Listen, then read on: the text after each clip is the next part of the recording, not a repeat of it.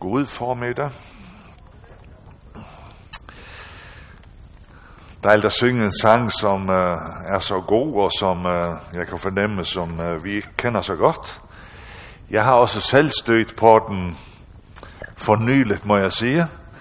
Uh, så jeg har heller ikke sunget den så ofte, men uh, uh, jeg synes, den er en dejlig sang at, uh, at synge sådan indledningsvis til at komme under Guds ord.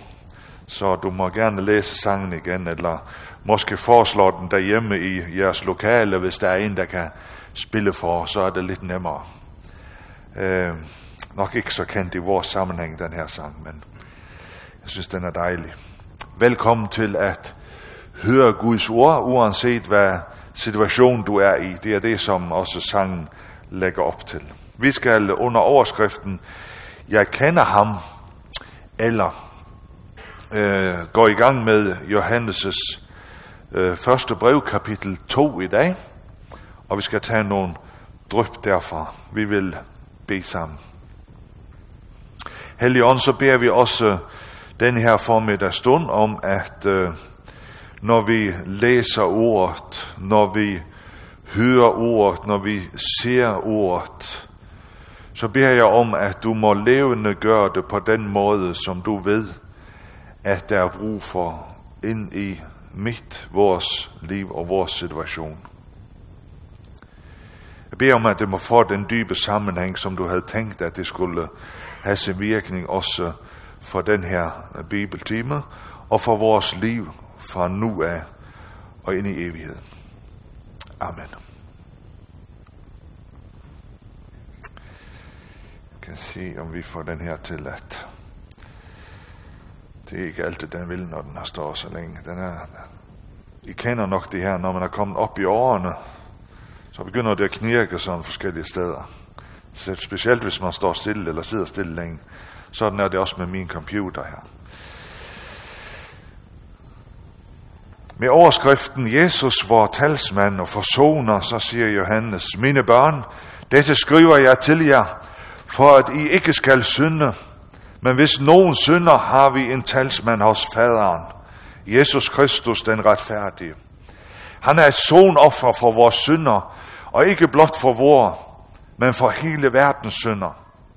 Og deraf kan vi vide, at vi kender ham, hvis vi holder hans bud. Den, der siger, jeg kender ham, men ikke holder hans bud, er en løgner, og sandheden er ikke i ham. Men den, der holder fast ved hans ord, i ham er Guds kærlighed i sandhed fuldendt. Derad ved vi, at vi er i ham. Og den, der siger, at han bliver i ham, skylder også selv at leve sådan, som han levede, altså sådan, som Jesus selv levede. Og under overskriften, som står i vores Bibel, det nye bud og broderkærligheden, står der, mine kære, det er ikke et nyt bud, jeg skriver til jer, men et gammelt, som I har haft fra begyndelsen. Dette gamle bud er ordet, som I har hørt, og dog er det et nyt bud, jeg skriver til jer. Det, som er sandt i ham og i jer. Mørket viger, og det sande lys skinner allerede. Den, der siger, at han er i lyset, men hader sin broder, er stadig i mørket. Den, der elsker sin broder, bliver i lyset, og i ham er der intet, som bringer til fald. Men den, der hader sin broder, er i mørket og vandrer i mørket. Og han ved ikke, hvor han går, fordi mørket har blindet hans øje. Og inden jeg læser mere fra dagens tekst, så vil jeg lave en lille parentes her, at det er gavnligt øh, måske at vide eller tænke på, at når Johannes i sit brev, som han gør ofte, snakker om brødrene, så er det ikke så nemt ud fra grundteksten helt at vide, hvem han helt specifikt tænker på. Øh, og derfor er det, at jeg hælder mig til dem, som også ud fra skriften tolker, at Johannes tænker først og fremmest på troens brødre. Altså dem, som lever i troen, der har vi et særligt ansvar at elske dem. Men Johannes, han taler også i sit brev, for den sags skyld også sit evangelium, om at vi står også i et brorfællesskab til alle mennesker, altså næstekærlighedens broderkærlighed. Så den, det er en forlængelse. Man kan ikke skille de to ting er. Så når Johannes taler om det her, så, så skal vi høre det ligesom øh, Galaterbrevet også, hvor Paulus siger det, at vi har et selv, særligt ansvar at bære øh, byrder for hinanden som trosfældere. Og så har vi også et ansvar, som Jesus siger, at elske vores næste. De hænger jo sammen. Bare for at bemærke det, øh, hvordan Johannes bruger ordet brødre i sit brev. Det er ikke helt tydeligt, øh, hvad man kanaliserer til hvor. Så vi må tænke begge dele med. Og så læser vi videre. Under Guds kærlighed og verdens begær. Jeg skriver til jer børn, jeres synder er tilgivet jer for hans navns skyld. Jeg skriver til jer fædre, I kender ham, som har været fra begyndelsen. Jeg skriver til jer, I unge, I har overvundet den onde. Jeg har skrevet til jer børn, I kender faderen. Jeg har skrevet til jer fædre, I kender ham, som har været fra begyndelsen. Jeg har skrevet til jer, I unge, I er stærke, Guds ord bliver i jer, og I har overvundet den onde. Elsk ikke verden, og heller ikke det, som er i verden. Hvis nogen elsker verden, er faders kærlighed ikke i ham. For alt det, som er i verden, kødets lyst og øjnes lyst og pral med jordes gods, er ikke af faderen, men af verden. Og verden og dens begær går til grunde, men den, der gør Guds vilje, bliver til evig tid. Og så det sidste stykke med overskriften Antikrist.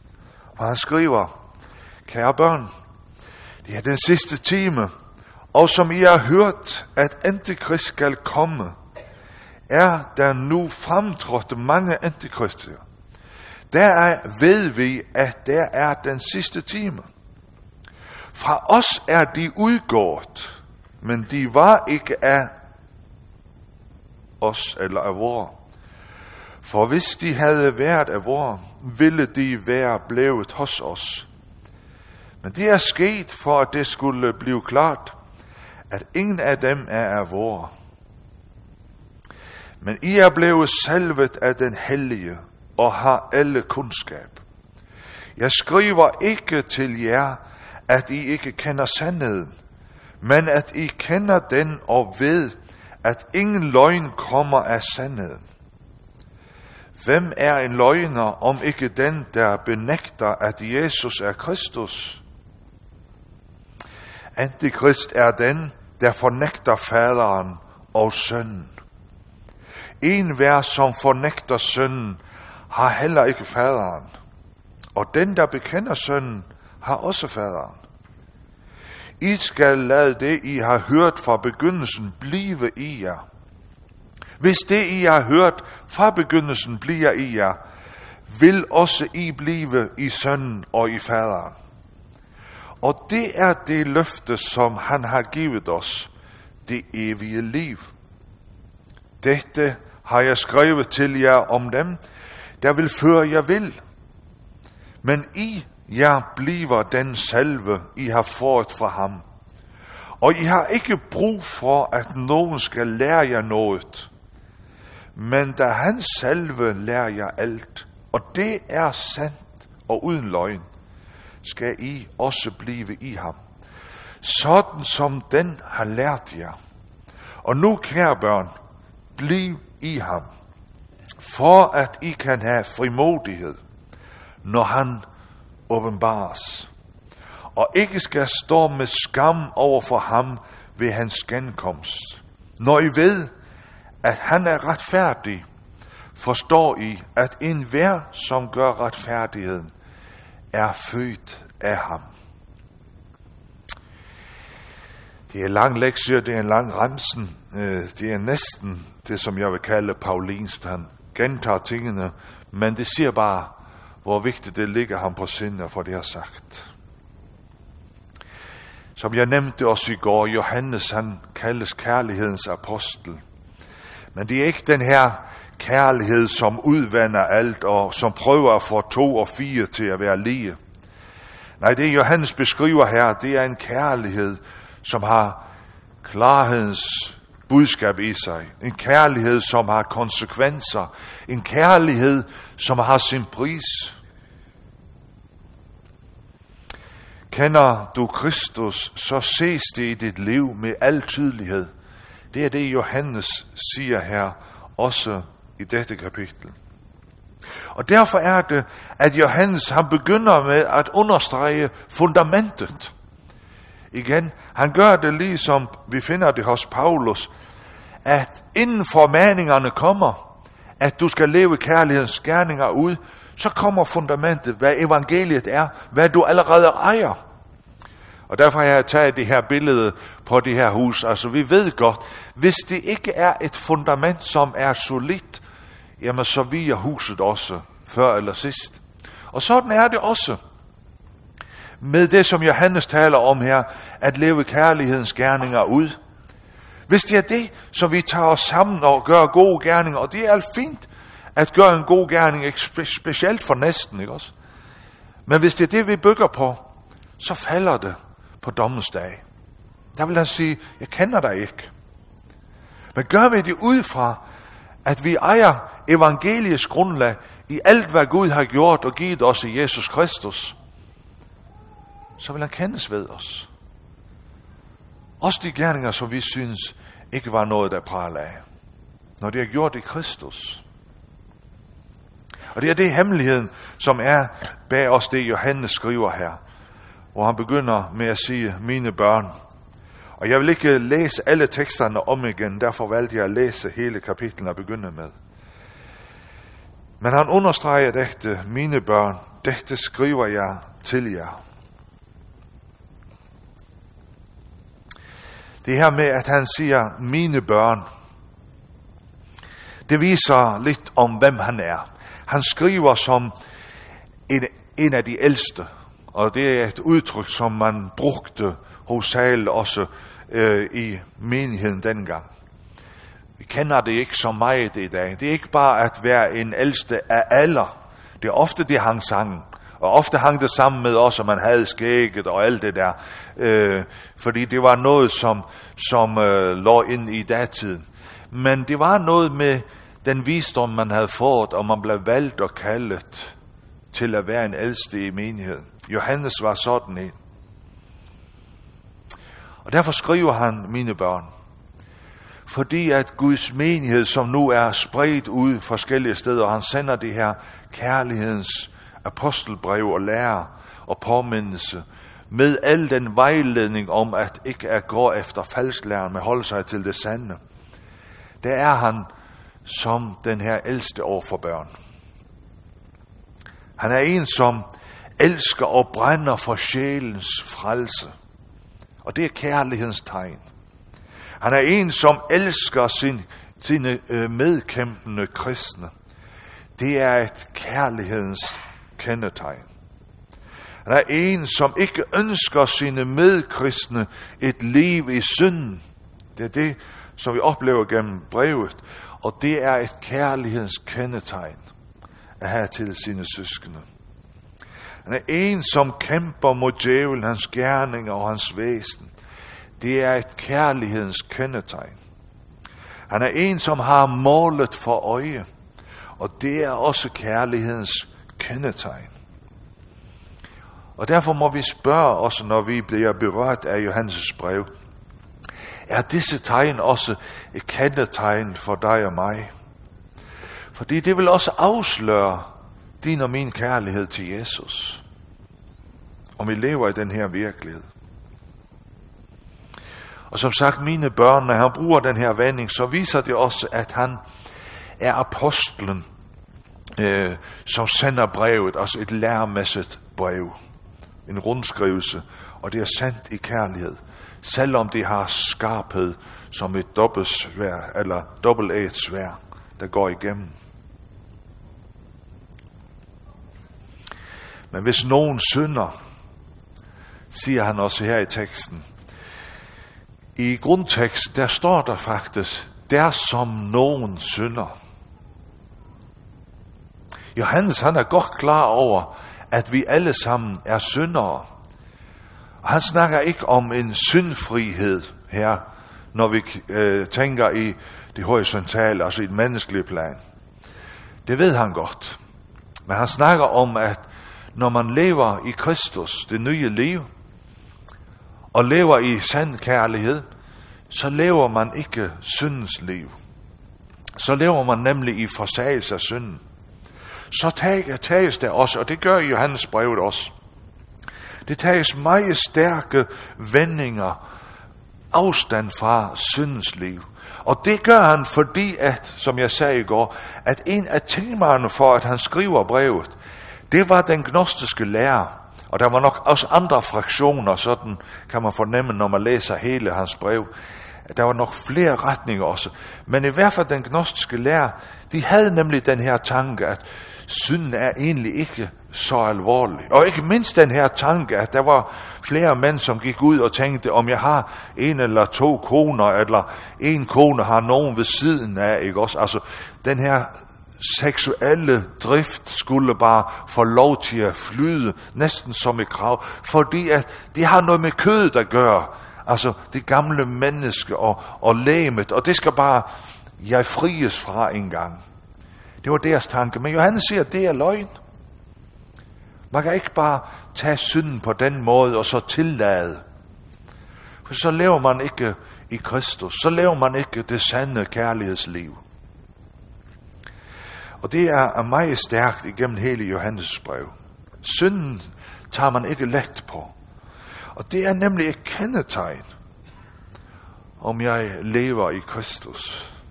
Hvordan jeg tager syndens alvor.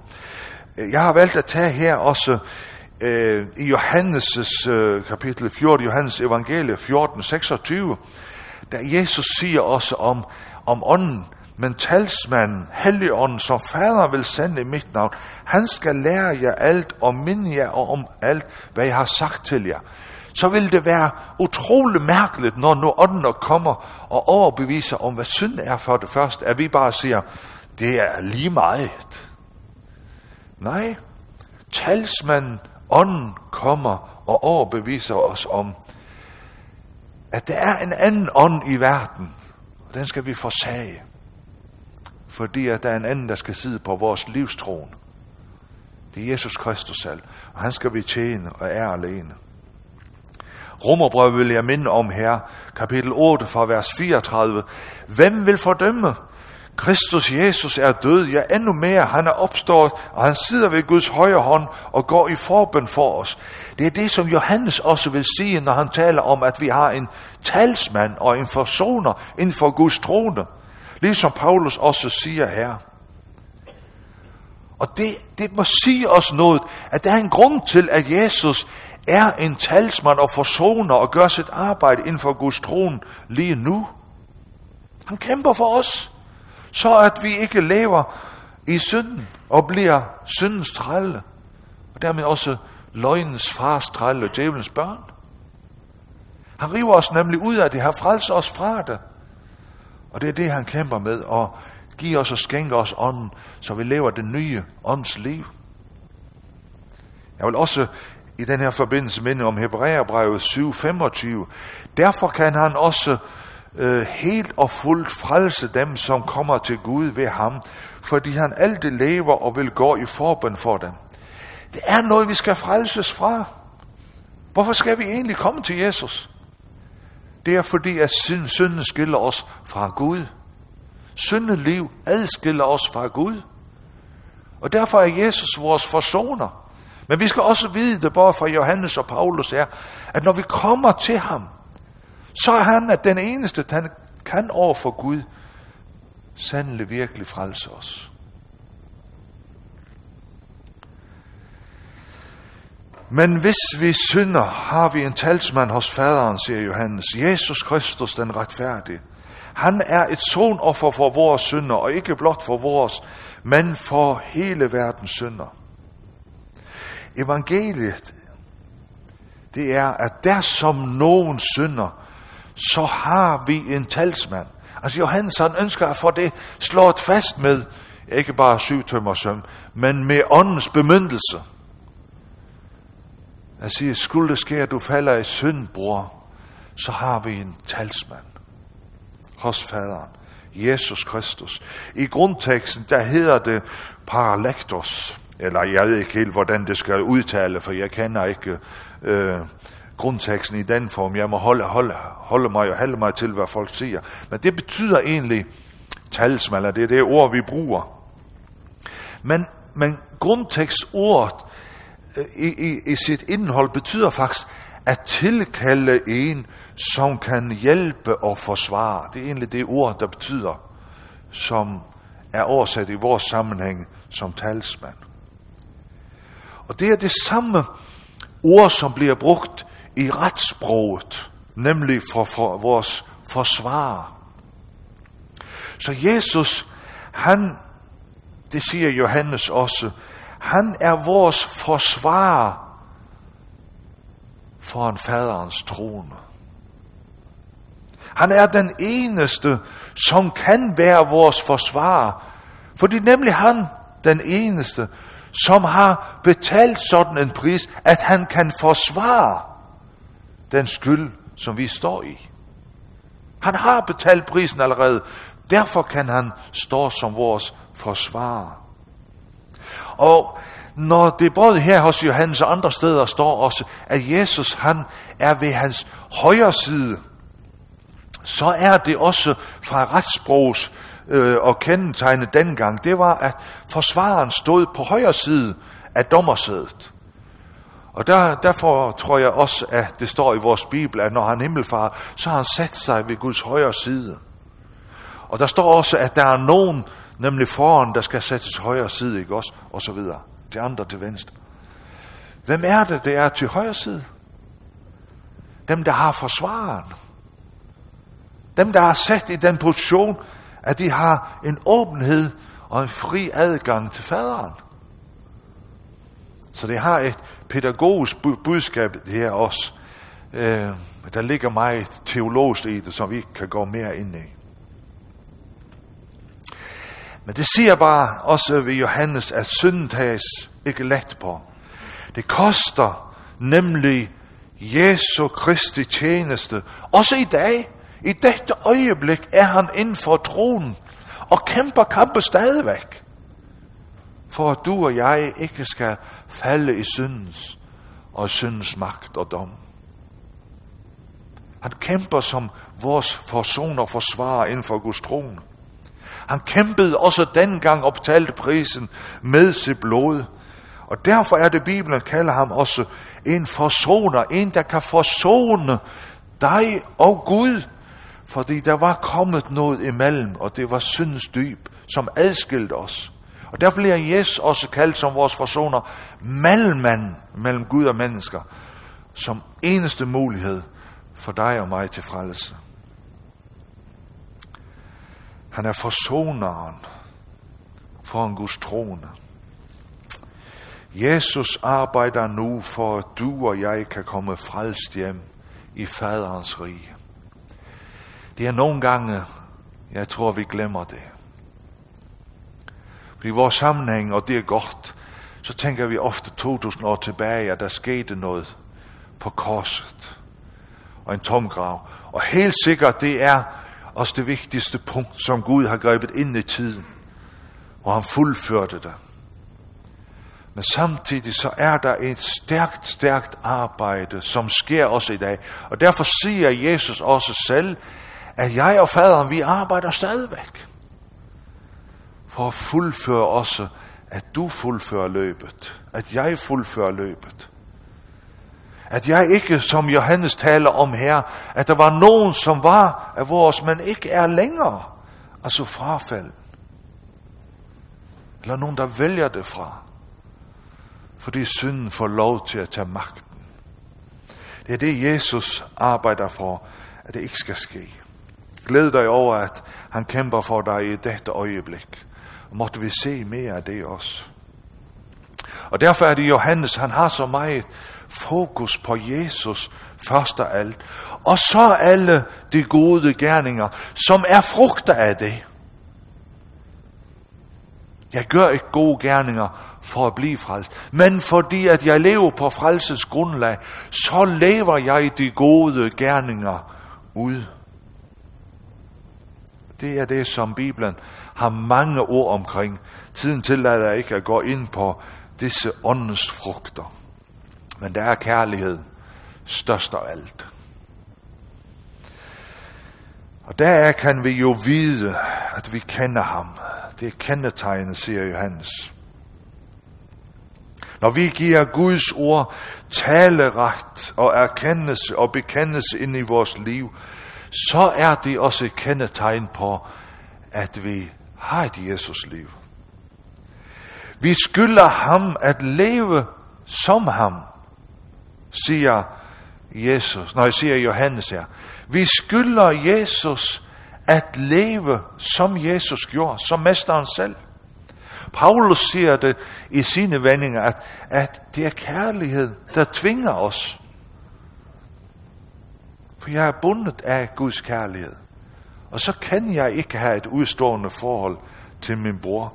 Det er meget radikalt det her, at følge Kristus på den her måde. Men det er det, som Johannes taler til os i sit brev i dag. Og derfor siger han det øh, under den her tekst, det nye bud og broderkærlighed. At det er ikke et nyt bud, han kommer med. Det er det gamle, som har været helt fra begyndelsen. Og fra begyndelsen var vi inde på i går. Det, som var før Gud valgte at skabe. Der var kærligheden, den rene kærlighed hos Gud. Jesus Kristus, han har åbenbaret sig ind i vores tid. Og det er det, som han siger, det er det, som I har lært hele tiden.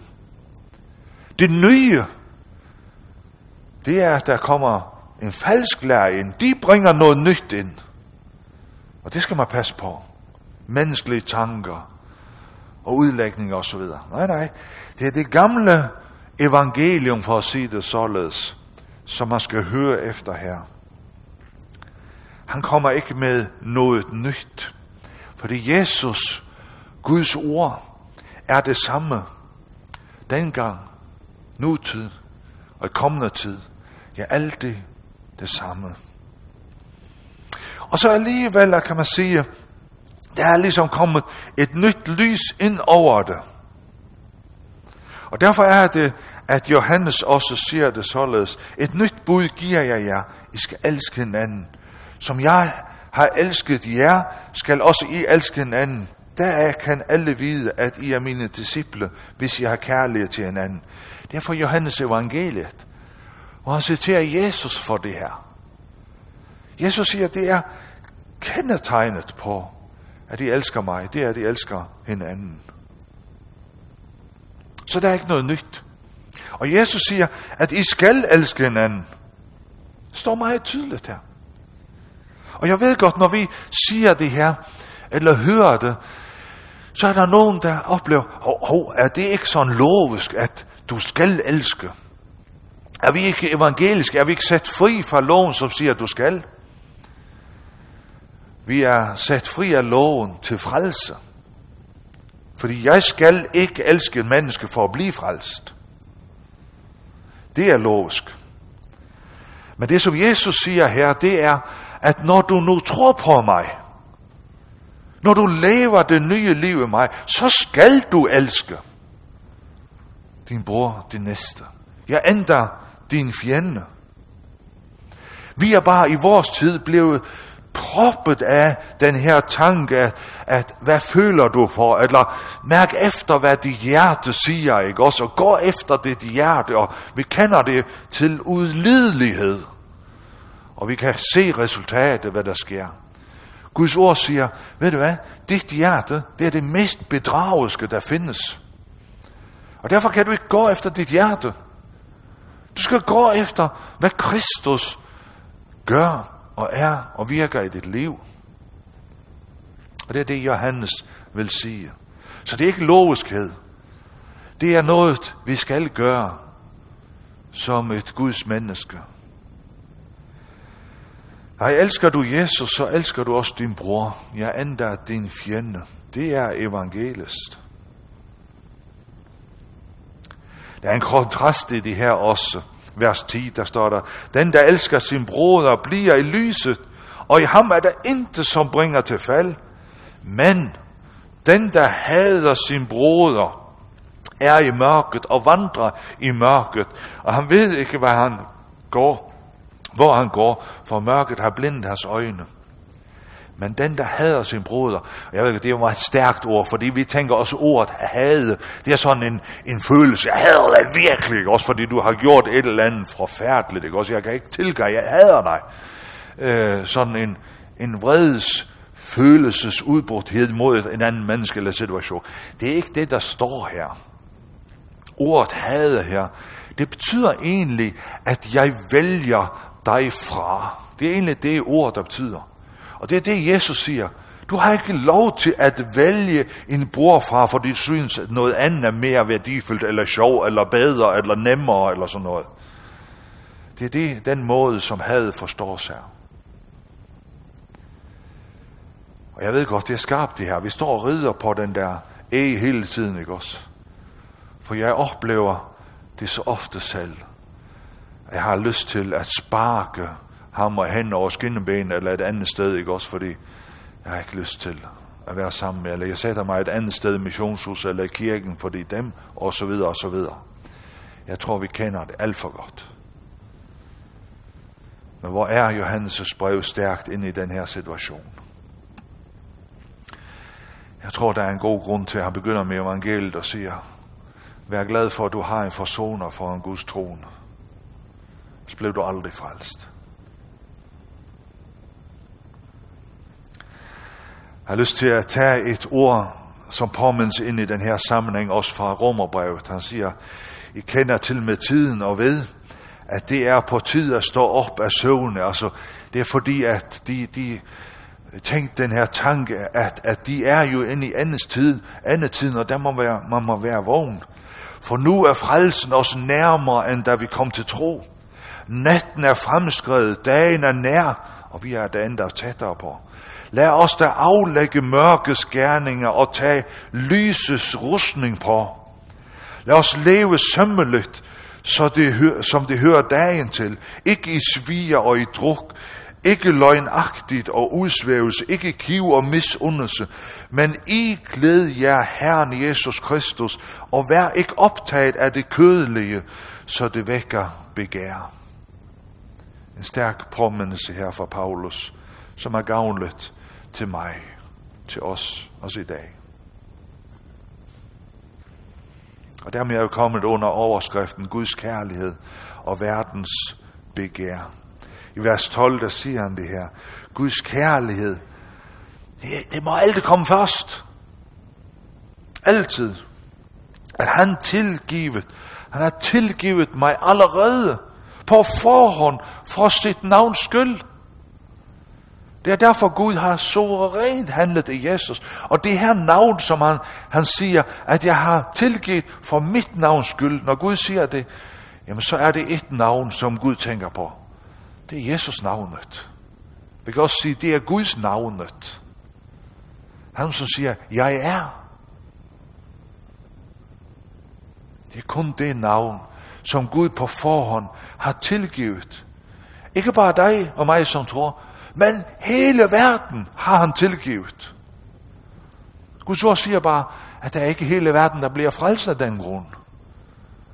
Fordi der er så mange, der frasiger sig den frelses mulighed.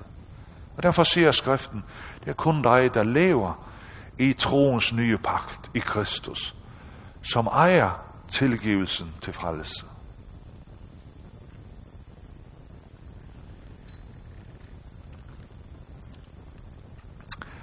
Det er det Johannes, som minder han, som bruger han ordet fader. I kender skrifterne, og de taler tydeligt om Guds tilgivelse i Kristus. På den måde siger Johannes også til os i dag, hvor vigtigt det er, at vi kender Bibelen.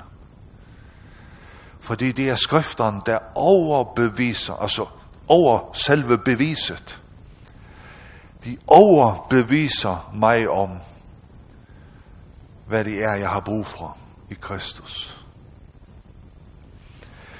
Og det er derfor, at det Johannes skriver til fædrene, og, og, og jeg tror, at det, som ligger i det, det er både noget med alderen at gøre, men også dem, som er, er altså fader, far til i husstanden, som har ansvaret. Men også fædrene, som, som har den her lederansvar ud i menighedssammenhængene. Jeg tror også, det ligger i det. I kender skrifterne. Hold fast på skrifterne. Fordi det er dem, der vejleder os til, at Gud har tilgivet os allerede i Kristus. Og det er det, som vi må holdes fast på og vendes tilbage til, som om nogen falder i synd. Jeg har lyst til at citere også her i den her sammenhæng Apostlenes Gerninger 10, 4, 43. Om han vidner alle profeterne, at enhver, som tror på ham, skal få syndsforladelse ved hans navn. I kender skrifterne, står der i Nye Testamentet til os. Den skrift havde de ikke dengang, men jeg citerer fra den skrift, som også er givet os. Der står det om, at profeterne, de vidnede om det her, at ved troen på ham, så er der syndsforladelse ved hans navn. Jesus navn. Romerbrevet siger det således. Men Gud viser sin kærlighed til os ved at Kristus døde for os, mens nu endnu var syndere. Og så meget mere skal vi, der nu er blevet gjort retfærdige i kraft af hans blod, ved ham frelses fra vreden. For mens vi endnu var hans fjender, blev vi forligt med Gud ved at hans søn døde. Så skal vi så meget mere, når vi er forligte med Gud, frelses ved at han lever. Og ikke alene det, vi har også i vores stolthed i Gud ved vor Herre Jesus Kristus, ved ham har vi nu fået forlidelsen. Er du stolt af Jesus? Fordi han har forligt dig med Gud. Han har forenet dig med Gud, så du kan sige, yes, jeg er et frit Guds barn. Er du stolt af Jesus på den måde? Og hvis man er stolt af noget, så, så ses det. Så mærkes det. Så er det noget, man også giver udtryk for. Vi kalder det ofte i vores sammenhæng vidensbjørn. Og jeg tænker ikke ord, kun ord herop fra, som når ord, der giver frit i et møde og sådan noget. Nej, det ses og mærkes, duftes af os, som Paulus også siger det. Hele vores liv, holdninger og handlinger osv. Og så siger du, ah, ah, det er ikke altid kun sådan Jesus duft, der kommer af mig. Nej, det er nemlig derfor, at Jesus kæmper for dig stadigvæk. Det har noget med den her herliggørelse og helliggørelse i dig og mig. En vækst, så du kan ligne mere og mere Jesus. Det er det, som han kæmper for.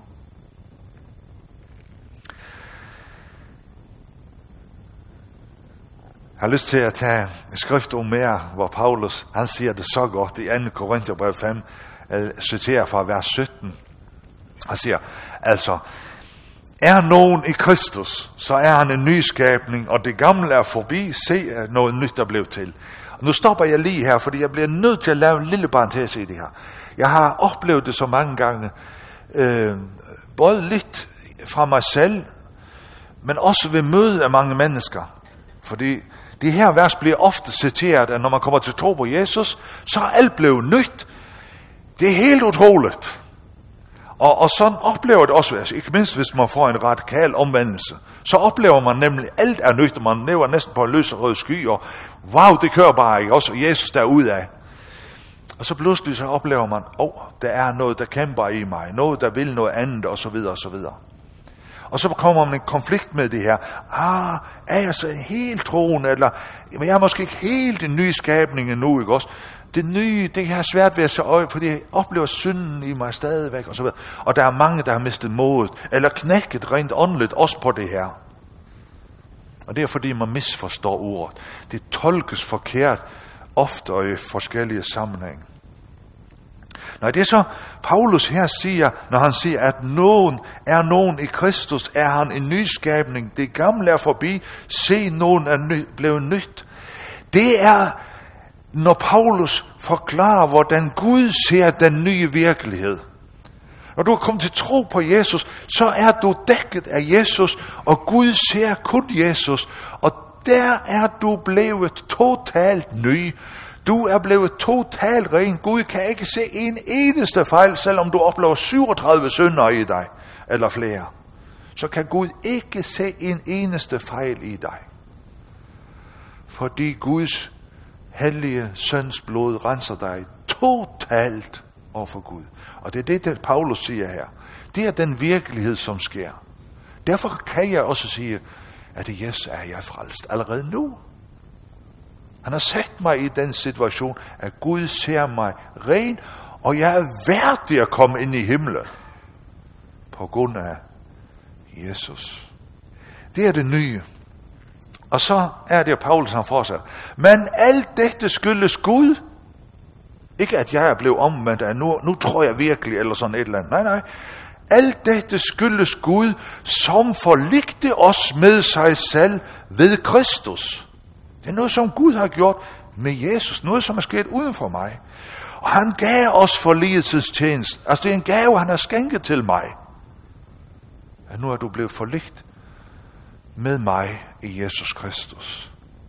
For det var Gud, der i Kristus forligte verden med sig selv, og ikke tilregnede dem deres overtrædelser, men betroede os ordet om forligelsen, altså evangeliet om den her frelse. Så er vi altså udsendinge i Kristi sted, i, i det Gud så at sige formaner gennem os. Så jeg står på Kristi vegne og giver dig denne gave også i dag. Og så siger han, vi beder os på Kristi vejen. Lad jer forlige med Gud. Vær i den her forligelses tjeneste, så ejer du det. Og så kommer Paulus til sidst og siger det sådan. Han, der ikke kendte til synd, har han gjort til synd. Altså Gud har gjort Jesus til synd, for at vi kunne blive Guds retfærdighed i Jesus. I blev bedt om for et stykke tid siden at rejse jer op og strække jer ud, fordi vi er lige vågne og alt det der, ikke også? Eller for at vågne. Egentlig så burde vi hoppe op nu og sige, yes, jeg er retfærdig i dette øjeblik.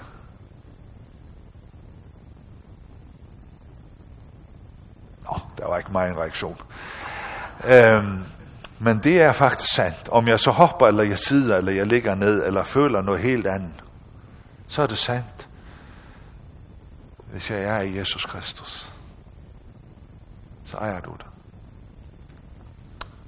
Ja, stort. Øh, tiden den regner ret for hurtigt hernede på det her sted. Han skriver til øh, de kære børn, han skriver til fædrene, han skriver til de ældre. Øh, det er begreber, som han bruger, og jeg tror, der er flere grunde til, at han bruger det. Han skriver til fædrene, fordi at, som tak, de har den her ældste ansvaret. Og det er måske dem, der har visdom, og de har også et særligt åndeligt ansvar, når man står i den situation. Han skriver til de unge, Øh, og det kan også være altså rent i amurer, for at sige sådan. Øh, men det kan også betyde, at de er bare unge i troen, når han skriver til dem, fordi det er en ny menighed. Så de er også unge i troen. Og når man er unge i troen, og har set, hvad man har fået i Kristus, ikke også, så lever man også i den her vældige inspirationskraft, ikke også? Og, og, og så må vi bare sige en lille parentes, ungdom og visdom, det er ikke altid, det føles så godt af, ikke også? Men ungdom har noget begejstring i sig som også vi ældre, som er blevet lidt dogne, vi skal lære noget af. Øh, og, og den der begejstring, Det gør også, at de kan godt se og er glade for, at de har vundet sejr allerede. Og så siger Johannes, husk bare hvorfor. Fordi at ordet er i, jer. Det er ordet, der vinder sejren. Det er ikke i egen kraft, at I har vundet over en synd, eller så klarer I lidt bedre at, at, at stå imod den næste synd, eller sådan noget, ikke også? Den fristelse, og det kunne I godt klare at håndtere lidt bedre end de andre, og så videre. Det er ikke det, som I vinder noget på. I vinder på, at Guds ord tager sejr i jer. Det er det, som Johannes vil sige igennem det her også. Og så skriver han til børnene også. Og det kan godt være, altså, det er fæsserne for at sige sådan, men det kan også betyde at være barn i troen. Hvor er det godt? Han siger, I kender jeres far. Hvor er det godt at være et barn i troen. Og vide, at jeg har en far, en kærlig far. Tænk sig, at jeg har en himmelsk far, som behandler mig således i lyst af Jesus. Det er kærlighed. Ubetinget. Og det er der, hvor kæden hopper af, når vi sammenligner det med en jordes far, så godt som det kan være. Det er alt på en eller anden måde betinget. Men den himmelske far er ubetinget kærlighed. Vi, øh, vi springer lidt over, og så hopper jeg simpelthen over i øh, det sidste stykke. Øh, ikke fordi jeg skal sige så meget om det, fordi det er et stort tema. Fordi det har antikrist som, øh, som overtekst. Og Johannes han siger, det her er den sidste time. Den sidste time, det kan forstås i Johannes brevet på forskellige måder. Det kan, det kan betyde i grundteksten, at, at det er den sidste tid. Det kan også betyde, at det er andetiden, han mener med. Eller det er den sidste time forstås sådan, at det er et symbol på en periode. Og sådan er Bibelen også øh, delt op på mange forskellige måder, ikke mindst når vi kommer ind i åbenbaringsbogen. Det skal vi ikke gå så meget ind i nu. Men sådan er det, når det tales os om andetiden. Men andetid, hovedsageligt, det er fra Jesus var her, indtil han kommer igen som dommer. Det er den store andetid. Den er så bare delt op på forskellige måder. Men der er det, Johannes siger, at de har hørt om antikrist skal komme. Og det er fordi, de har hørt også Jesus sige, for eksempel i Matthæus, se til, at ingen før jeg vil. For der skal komme mange i mit navn og sige, jeg er Kristus. Og de skal føre mange vilde. Hvis der nogen siger til jer, se her er Kristus, eller her er han, så tro de ikke. For der skal fremstå falske Kristusser og falske profeter og de skal gøre stort tegn og under for om muligt at føre de udvalgte vil. Så det lå Johannes også på sinde at sige, vi står i en fare, og det er et forførelse. Det er et af de første tegn på antikrist. Forførelse. Og det er måske det, som vi oplever mest i vores del af verden i dag, hvor vi ikke har eller vi siger i hvert fald, at vi ikke har så meget forfølgelse, men vi har ret så meget forførelse. Og når Johannes snakker om det her, så var det fordi, at inde i menighedssammenhængen var der forførelse også dengang. Der var falsk lærer, og sådan skal vi også passe på i dag. Der er også forførelse hos os. Jeg minder om, hvad Paulus siger i 1. Timotheus 4.1. Men ånden siger utryggeligt, at i de sidste tider skal nogen falde fra troen, fordi de lytter til vilfarne ånder og dæmonernes lærdomme, som udbredes ved løgnagtige læres hyggeleri. Folk, der er brændemærket i deres samvittighed. Han fortsatte i 2. Thessalonikerbrev. Lad ingen på nogen måde forlede jer, Først skal nemlig frafaldet komme, og lovlighed, lovlighedens menneske åbenbart for tabelsens søn. Modstanderen, der ophøjer sig over alt, hvad der hedder Gud og helligdom, så at han sætter sig i Guds tempel og udgiver sig for at være Gud. Både Johannes og Paulus omtaler antikrist og nogle gange så læser vi det ligesom, at antikrist er en bestemt skikkelse. Og nogle gange kan vi næsten forstå det som, det er en personlighed. Det er ikke sikkert, at det er. Det kan godt være en isme, eller en lærer og så videre. Jeg tror også, det har personlige kendetegn på sig. Fordi de forløbende kendetegn fra antikrist, de er kendte. Det er løgnen, det er falsklæren, det er vildledelsen, det er forførelsen. Og som han siger her også, en der sætter sig på Guds sæde og i Guds sted. Læser du i åbenbaringen 13, som vi slet ikke har tid til at gå ind på, så omtales en skikkelse der. Det er dyr, der kommer både op af havet og fra jorden. Det er et, tror jeg, er et symbolsbillede, at der er noget, der opstår af folkehavet og af de jordiske, som Johannes er inde på her, det som hedder verden og synd. Det er noget, der opstår, og han bruger et billede af et dyr.